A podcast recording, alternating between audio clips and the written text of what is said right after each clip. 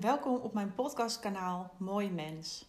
Mijn naam is Donna Luisa en ik wil je vandaag graag helpen om weer een stukje dichter bij jezelf te komen. Ik ga het hebben over het ervaren van negatieve emoties of situaties en de gevolgen daarvan. En ik ga je uitleggen waarom het soms echt niet erg is om op te geven. Leuk dat je er weer bij bent vandaag. Geniet ervan en veel luisterplezier gewenst. Veel te vaak doen mensen dingen tegen hun zin. Ze slepen zichzelf bijvoorbeeld naar kantoor voor een baan die zij helemaal niet leuk vinden. Zij blijven met iemand in een relatie waar zij eigenlijk al lang geen gevoelens meer voor hebben.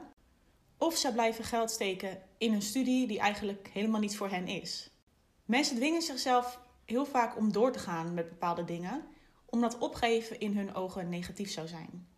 Dat zou namelijk betekenen dat zij falen en een mislukking zijn. Maar is dat echt zo? Worstel jij misschien op dit moment ergens mee? Met een bepaalde situatie, een beslissing, een baan of een relatie? Bedenk dan eerst even goed voor jezelf waarom je er in eerste instantie eigenlijk aan begonnen bent. Want wat was er toen zo geweldig? Wat zorgde ervoor dat jij er plezier en energie van kreeg? En wat is er in de tussentijd dan veranderd dat dat nu niet meer zo is? Valt daar misschien iets aan te doen? Kun je de situatie beter maken voor jezelf?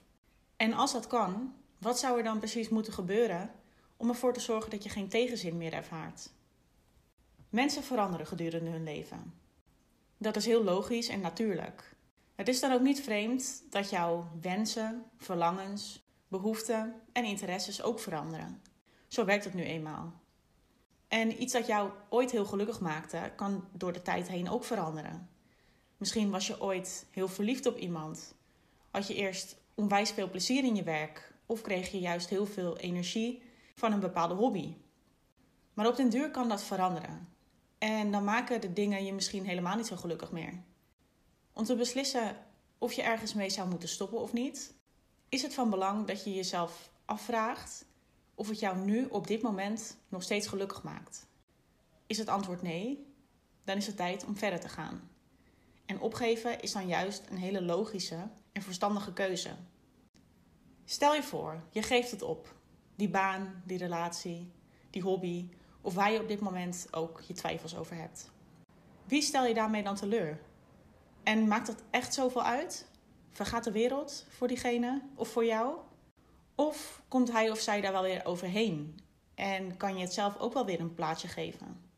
Kortom, vraag jezelf af of het op de lange termijn echt zo'n enorme ramp is, of dat het eigenlijk wel meevalt en of je er misschien met iemand over kunt praten die daarbij betrokken is.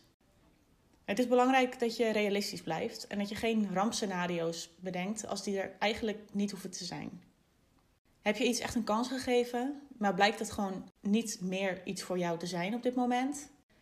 En heb je over mogelijke oplossingen of alternatieven nagedacht, maar past het gewoon echt niet meer bij wie je bent en wat je wilt? Dan is het wel duidelijk dat je daar niet langer je energie aan moet besteden en dat je je tijd wel nuttiger kunt gebruiken.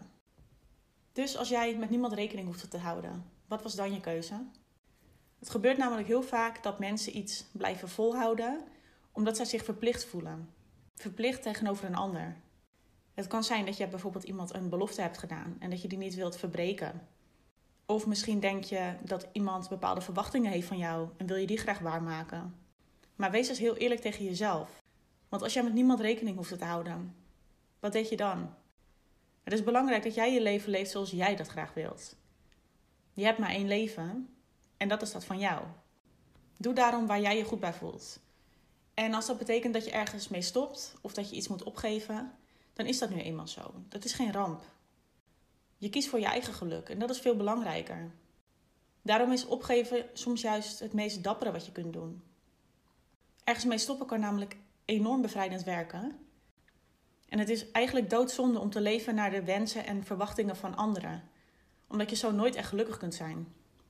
Want wanneer je jezelf niet langer dwingt om bepaalde dingen te doen en keuzes te maken, kun je juist veel meer van het leven genieten. En je zal het leven veel meer gaan waarderen. Het leven kent ups en downs.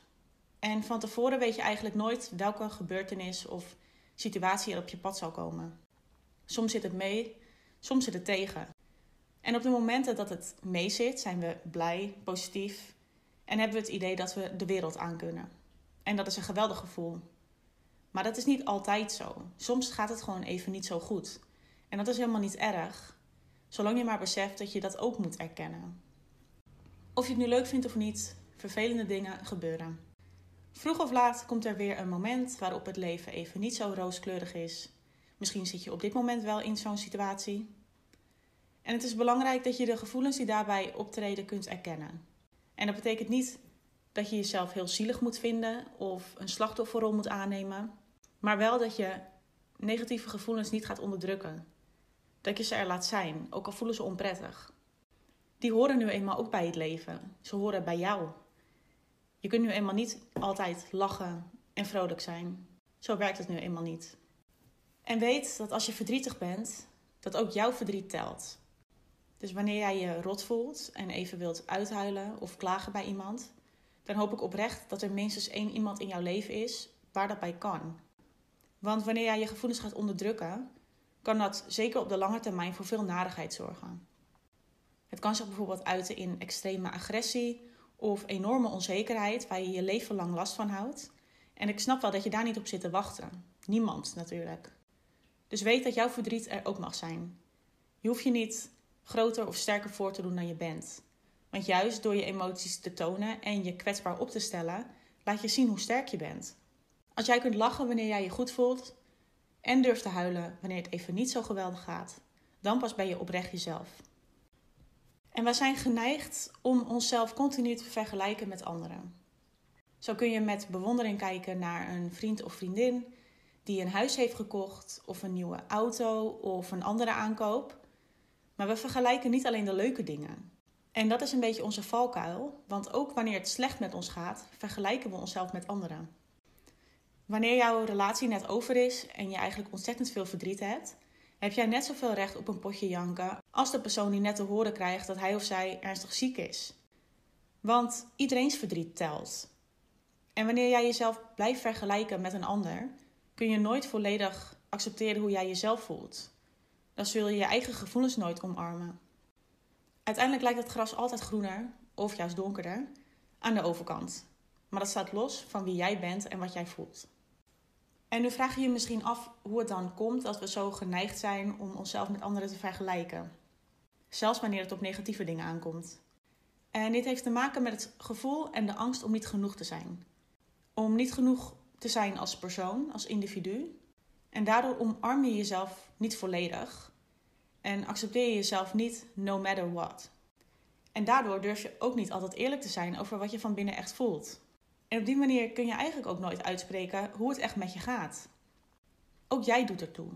Ook jouw verdriet, frustratie, woede en onzekerheid mogen er zijn. Ongeacht wat er zich verder afspeelt in de wereld.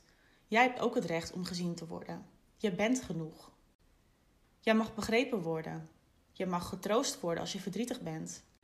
Je mag gewoon zijn wie je bent, ondanks je mindere kanten. Misschien wel juist door je mindere kanten. Want dat maakt je ook weer uniek.